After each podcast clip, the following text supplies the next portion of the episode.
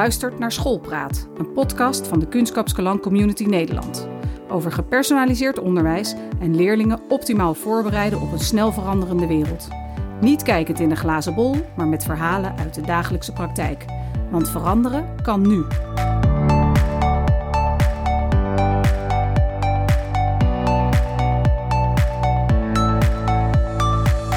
Fijn dat je luistert. Coaching van leerlingen is een belangrijk element binnen het kunstschapsschool onderwijs. Dit hangt sterk samen met vakdocenten die focussen op het formatief beoordelen en het geven van goede feedback en feedforward aan leerlingen. Maar wat wordt hier precies onder verstaan? En hoe doe je dat als docent? Deze schoolpraat geeft op deze vraag een duidelijk antwoord. Uit de mond van docenten die dit al jaren elke dag weer doen. Keizer Struiksma van het Dr. Nassau College A. Hunze en Madeleine Zwart van het Van Kinsbergen College in Elburg. En natuurlijk is deze schoolpraat niet compleet zonder Duco Adema, voorzitter van de Kunstschapschool Community en bestuurder van de Amsterdamse Cedergroep, waar het Veenlanden College uit Vinkenveen deel van uitmaakt. Allemaal van harte welkom. Laten we beginnen met het duidelijk maken waar we het nou eigenlijk over hebben. Madeleine, als jij aan een onervaren collega het belang van coaching, formatief beoordelen en het geven van de juiste feedback wil uitleggen, hoe doe je dat dan? Nou, over coaching zou ik zeggen dat het belang van coaching is om zicht op alle leerlingen te krijgen. Um, in een traditionele schoolsetting, waar wij ook vandaan komen, hebben we toch met name zicht op leerlingen die uitvallen of bijzonder gedrag vertonen. En die worden in een leerlingbespreking besproken. Uh, maar elke leerling verdient onze aandacht en elke leerling heeft hulpvragen. En Kunstschapscolan biedt alle leerlingen de mogelijkheid tot een eigen leerroute. En dan moet je wel als school inzichtelijk hebben waar de leerling goed in is. Of die kan versnellen of een vak op een hoger niveau kan doen. Waar de leerling moeite mee heeft. En in een coachgesprek gaat het altijd over terugkijken, het nu, het vooruitkijken. En ook ouders en docenten kunnen meelezen, eh, feedback geven en vragen stellen. Dus dat is volgens mij het belang van coaching. Voor formatief evalueren zou ik zeggen dat het belang is om leren zichtbaar te maken. Um, het gaat erom dat we afstappen van het teaching to the test. Dus niet wat we altijd deden, en dat bij de toets de leerkracht erachter komt dat het toch niet zo lekker ging met dat hoofdstuk. En de leerling uh, denkt dat de toets heel lekker ging tot ze een 3 terugkrijgen. En dat soort verrassingen mogen eigenlijk niet meer bestaan. Zowel voor de docent als de leerling moet duidelijk worden welke vaardigheden die moet beheersen voor een vak. En tussendoor moet er getest worden hoe dat gaat. Um, dat is eigenlijk formatief evalueren. En zo weet de leerling beter waar die staat, wat hem nog te doen staat. En de docent kan het onderwijs aanpassen. En wij geloven dat het bijdraagt aan betere leerprestaties, meer motivatie en ook meer eigenschap van de leerlingen. Nou, feedback heeft vervolgens tot doel dat die leerlingen zijn of haar doelen ook echt kan behalen.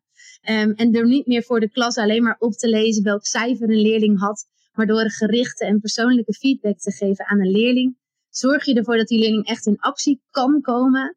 En het gaat erom dat ze zowel weten wat er goed ging, als wat er beter kan. En hoe ze dat kunnen bereiken. Het is dus heel wat anders dan kritiek. En die feedback die komt dus ook weer uh, terug bij de coaching. Is terug te vinden voor de leerling, voor de ouders en voor de coach. Dus zowel coaching, formatief beoordelen als goede feedback. Ja, daardoor ontstaat een hoger leerrendement. En uh, ja, vind ik het werk in het onderwijs nog leuker. Kijk, dat is belangrijk. Dankjewel. Kajsa, uh, jij hebt de afgelopen jaren naast jouw dagelijkse praktijk als docent, heb je een opleiding gevolgd die hier nauw mee verbonden is. Kun je daar eens wat meer over vertellen en, en vertellen waar dat jou heeft gebracht? Ja, Koos, dankjewel. Um, nou, naast mijn, naast mijn werk heb ik de opleiding onderwijswetenschappen gevolgd. En daarbij heb ik de mogelijkheid gekregen om een afstudeeronderzoek te doen. En die ging over feedback. Nou, het onderwerp is eigenlijk, uh, heeft mijn interesse gewekt, uh, eigenlijk vanuit mijn werk. Ik had een gesprek met een leerling, uh, een coachgesprek. En daarbij had een leerling die, die haalde een doel niet. En hij bleef ermee zitten en ik kwam er niet uit. Dus ik vroeg aan hem, hoe komt het dat je, dat je niet tot afronden komt? En hij vertelde dat hij, een, dat hij feedback had gekregen van een docent. En dat hij daar heel erg ongemotiveerd van was geworden. Dus ik met hem kijken in de Learning Portal, ons onderwijs, digitale onderwijssysteem. En ja, ik begreep wel waarom die leerling echt gedemotiveerd raakte en, niet meer tot afronden kwam. En toen was ik er best wel van geschrokken dat ik dacht, jeetje, wat een invloed kan uh, de kan de feedback van de docent hebben op de leerling. En zo is eigenlijk bij mij dus, uh, heb ik steeds meer interesse gekregen voor dit onderwerp. En heb ik tijdens mijn afstudeerstage heb ik dus gekeken uh, of een training die ik ontwikkelde voor leerlingen in het voortgezet onderwijs ook kan, kan leiden tot het verbeteren van hun feedbackvaardigheden.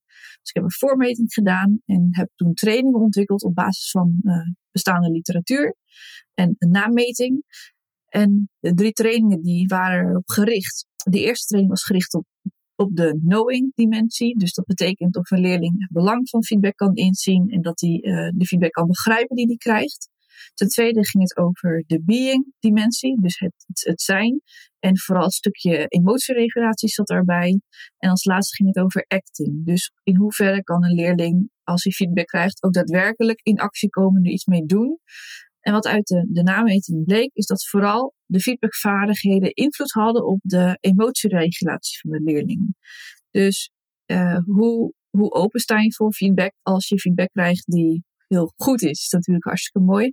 Maar wat gebeurt er met de leerling intern als hij feedback krijgt waar hij van schrikt of waar hij, uh, waar hij niet iets mee, nog niet iets mee kan of dat hij in de weerstand komt? Dus die trainingen die hielpen vooral om die leerlingen zelf sterker te maken, hun, hun eigen vaardigheden. En niet uh, langer alleen maar afhankelijk zijn van een docent of die goede of niet goede feedback geeft. En natuurlijk moet dat. Maar ik wil dus kijken op wat voor manier kun je leerlingen zelf sterker maken um, om, nou ja, om beter met feedback om te gaan. En heb je, daar, heb je daar ook als docent van geprofiteerd? Ja, zeker. Omdat ik de training ook heb gegeven, uh, merkte ik vooral, doordat ik heel veel met ze in gesprek was daarover, hoe, hoe, groot, hoe groot feedback eigenlijk voor leerlingen kan zijn. En terwijl je als docent kan je feedback schrijven voor een klas. En hè, dan heb je de ene en dan heb je de volgende. En hey, je hebt natuurlijk heel veel leerlingen. Maar dat het echt wel heel erg uitmaakt wat je tegen de leerling zegt of wat je, wat je aan de leerling schrijft en eh, de invloed die het kan hebben.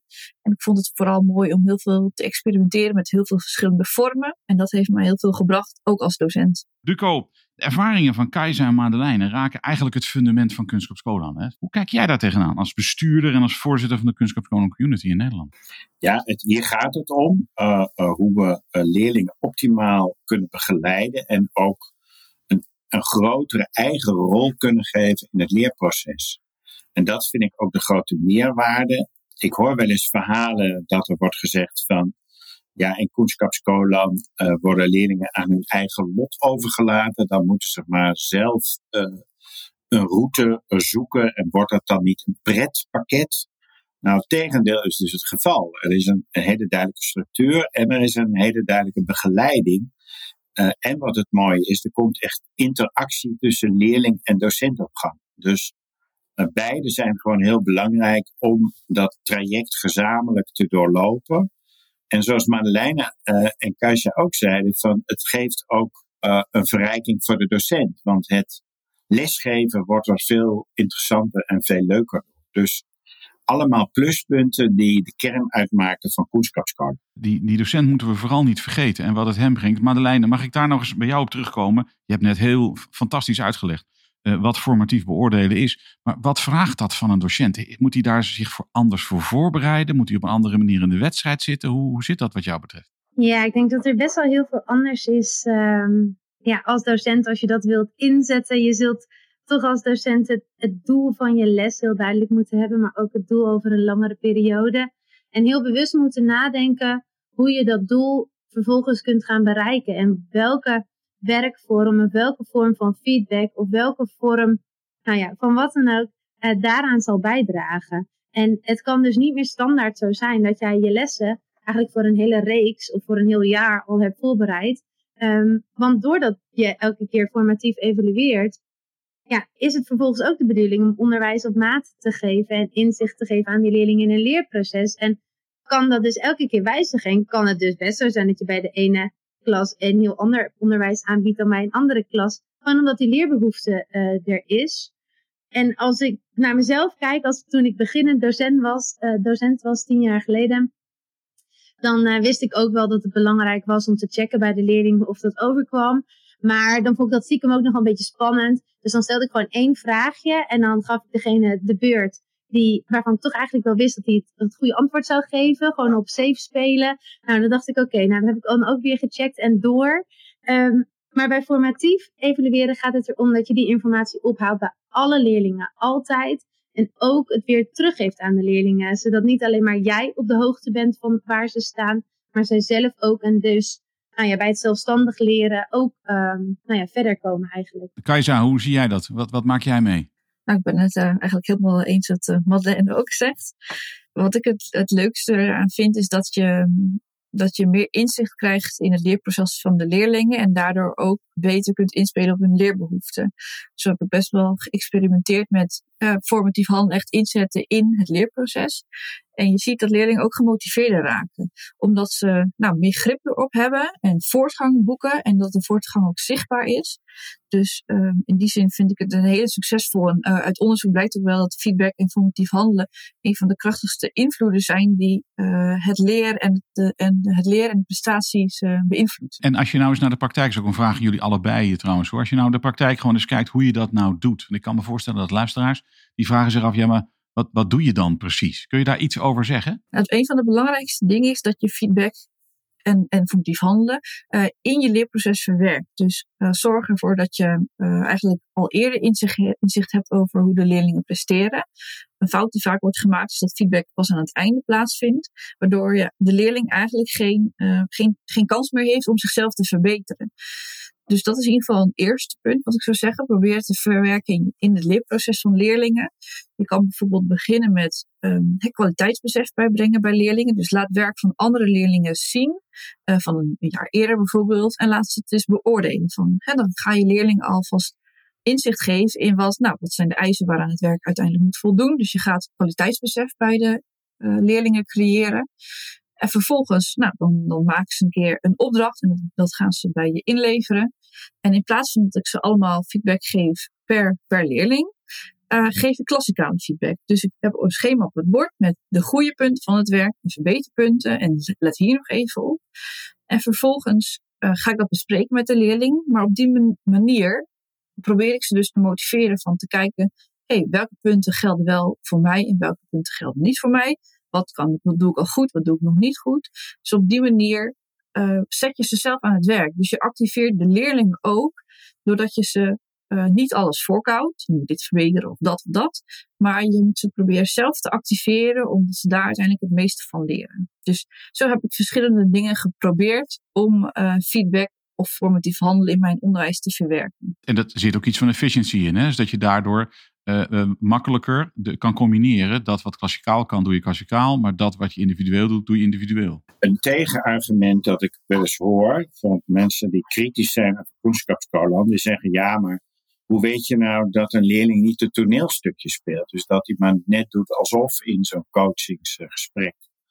Uh, kunnen jullie daar iets over zeggen? Hoe je dus zo intensief dat contact met die leerling hebt, dat je ook echt wel weet van hè, dit, dit is het, het, echte verhaal. Madeleine? Ja, ik merk bij ons op school dat wij, um, nou ja, we hebben elke ochtend hebben wij een ochtendoverleg, zoals we dat noemen. Dus waarin we met alle, nou ja, lesgevende docenten, maar ook het MT en eigenlijk iedereen is bij betrokken. Ook uh, mensen van het plusplan bij ons die, nou ja, extra hulp nog bieden aan leerlingen die dat nodig hebben.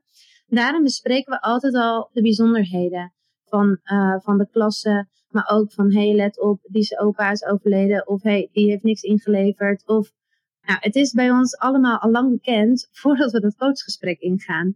Um, daarnaast kunnen zowel de ouders als de docenten ook een reactie achterlaten bij het coachgesprek. Um, en behandelen we daarnaast natuurlijk gewoon nog welke beoordelingen, summatieve beoordelingen er op dat moment binnen zijn gekomen. Maar het is niet zo dat ik als coach onvoorbereid op dat gesprek inga en volledig moet varen op wat de leerling vertelt. Ik heb al lang een beeld van hoe die leerling uh, presteert. En um, het is alleen in coaching gaat het er ook over dat de ander ja, ook op die manier naar zichzelf kan kijken. Kajsa, hoe kijk jij daar tegenaan? Ik denk ook dat de relatie die je hebt met de leerling heel erg belangrijk is ik ben de afgelopen drie jaar coach geweest van, van een aantal leerlingen, die ik ook, waarvan ik drie jaar letterlijk coach ben geweest. Dus door de jaren heen groei je een soort van met ze mee en, en leer je ze ook echt wel kennen. En die relatie is gewoon ontzettend belangrijk, juist voor het coachgesprek, dat ze ook eerlijk vertellen als het goed gaat, maar ook vertellen als het wat minder gaat. Want ze weten, als ik er eerlijk over praat, dan, dan helpt mijn coach mij ook. Dus ik denk dat het vooral erg zit in de relatie die je met leerlingen hebt. En dat je over het algemeen best wel goed ziet of een leerling nou, geholpen wil worden of dat er iets anders is waardoor het even niet lukt. Maar dan is dat natuurlijk het onderwerp van gesprek. En Duco, ik heb altijd de neiging om te denken dat dat meer zegt over de mensen die de kritiek hebben dan over datgene wat ze beschrijven. Ja, het, het uh, is jammer dat een aantal uh, dan niet bereid is om het echt te onderzoeken, maar dus een, uh, wel een stellingname heeft. dus bij deze de uitnodiging om uh, als er twijfel is of als er vragen zijn, om dan een kunstschapscolumn uh, contact mee op te nemen en te bezoeken. Uh, iedereen van harte welkom. Jullie praten, Keizer, Madeleine, jullie praten ook regelmatig met, met docenten, met collega's van buiten, zal ik maar zeggen. En daar zul je dit soort dingen ook tegenkomen, is het niet? Ja, absoluut. En mensen hebben vaak al in de eerste pauze, zeg maar, vaak al lopen ze dan weer tegen het lijf zo van, oh, het werkt inderdaad echt. Je moet het soms gewoon ook even ervaren om, nou ja, om er vanaf te kunnen stappen wat al je eigen angsten en zo vaak zijn. Ja. Duco, als we kijken naar de lessons learned, hè, want die, die horen we nu van twee mensen die, eh, als ik het even bot mag zeggen, gewoon elke dag met hun poot in de klei uh, staan. Uh, die, die passen ook bij een aantal wetenschappelijke inzichten. De, hoe zie jij deze ontwikkeling in het onderwijsdenken in Nederland?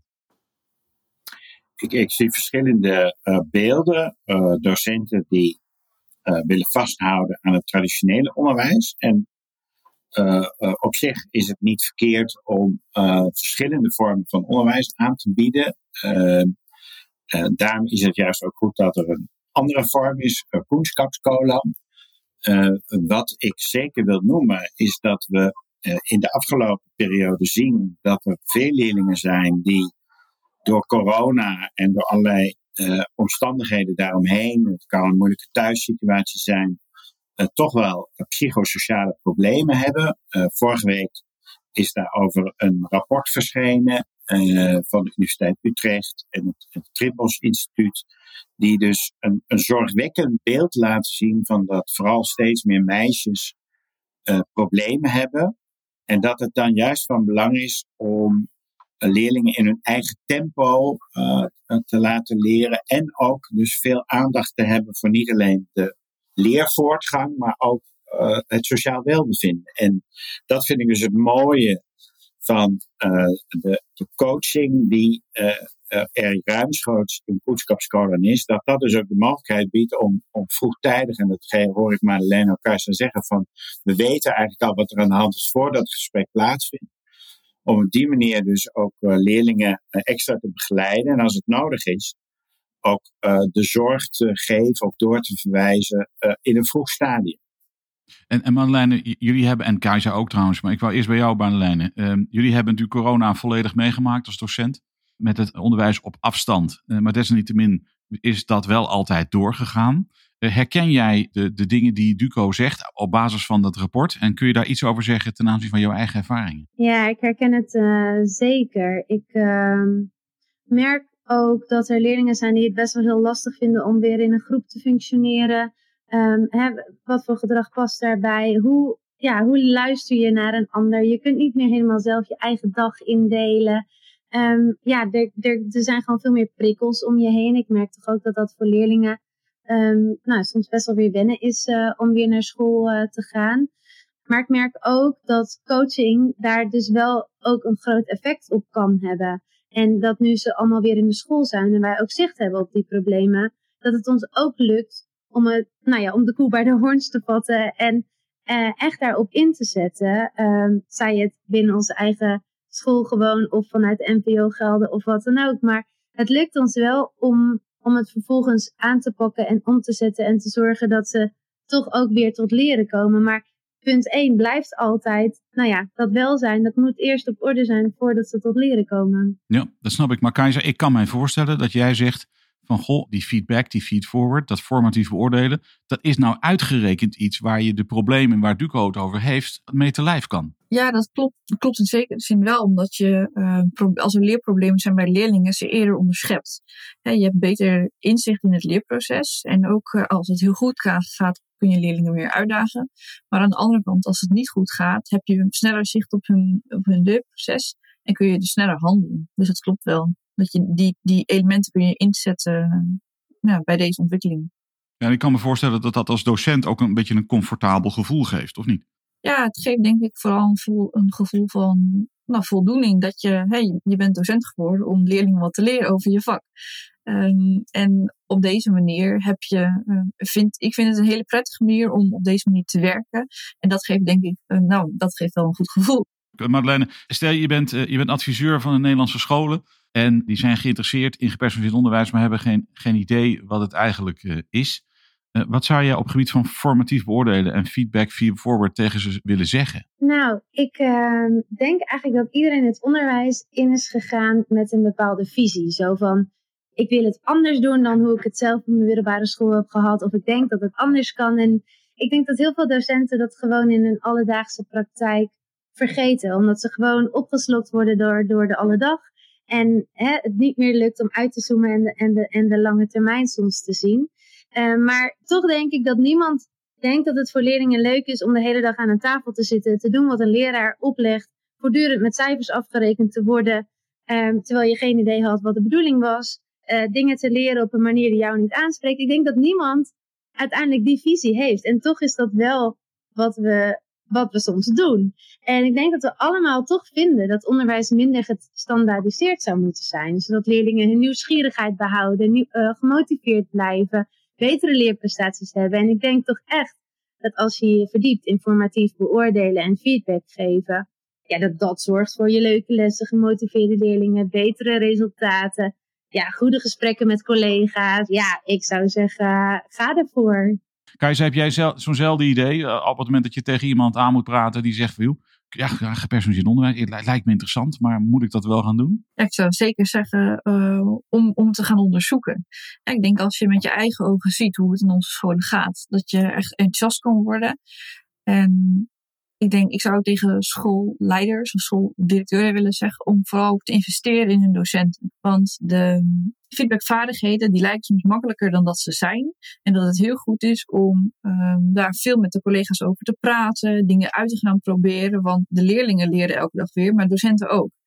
En het is eigenlijk dus een dubbel proces. De docenten leren en de leerlingen leren dat moet jou maar muziek in de oren klinken, Duco. Dat kan niet anders. Ja, dat, dat is uh, altijd het motto wat ik heb van uh, zowel de leerling staat centraal als de docent. Het gaat om beide. En het gaat om die interactie en, en om een goede match te vinden uh, voor het ontwikkelproces van de leerling. En dat geldt natuurlijk voor de docent ook, want in deze veranderende tijden moeten we als docenten ook voortdurend veranderen, vernieuwen, aansluiten bij de leerbehoeften van de leerling. Dus uh, eigenlijk doen we met, met coaching en kunstschapscolon iets heel intensiefs. Wat eigenlijk in het onderwijs sowieso moet gebeuren. Dus ik ben daar hartstikke blij mee. Ja, en wat is er mooier dan dat je als docent kunt zeggen dat je je leerlingen zodanig kent dat je tijdens het coachingsgesprek eigenlijk al weet hoe de zaken lopen en dat je ook echt de leerlingen verder kunt helpen. Helemaal mee. Ik wil jullie ongelooflijk danken voor deze schoolpraat. Marlene, Keizer, veel succes. En, en, super dat je hier aan mee willen doen. Duco, jij natuurlijk ook heel veel, heel veel dank. Dit was hem weer voor vandaag. Namens Keizer Struiksma, Madeleine Zwart en Duco Adema, bedankt voor het luisteren. En wil je meer weten over dit onderwerp? Neem dan even contact op met de Kunstschapsskolen Community of ga gewoon naar een school toe waar Kunstschapsskolen onderwijs wordt gegeven en praat met docenten, want die kunnen je precies vertellen hoe de praktijk in elkaar zit. Mijn naam is Koos Woltjes en tot een volgende keer.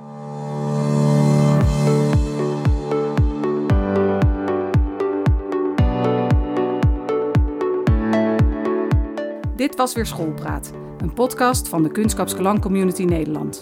Wil je de hele serie beluisteren of geen enkele podcast meer missen? Ga dan naar www.kunstkapskalandcommunity.nl of kijk op Spotify, Apple Podcast of Google Podcast.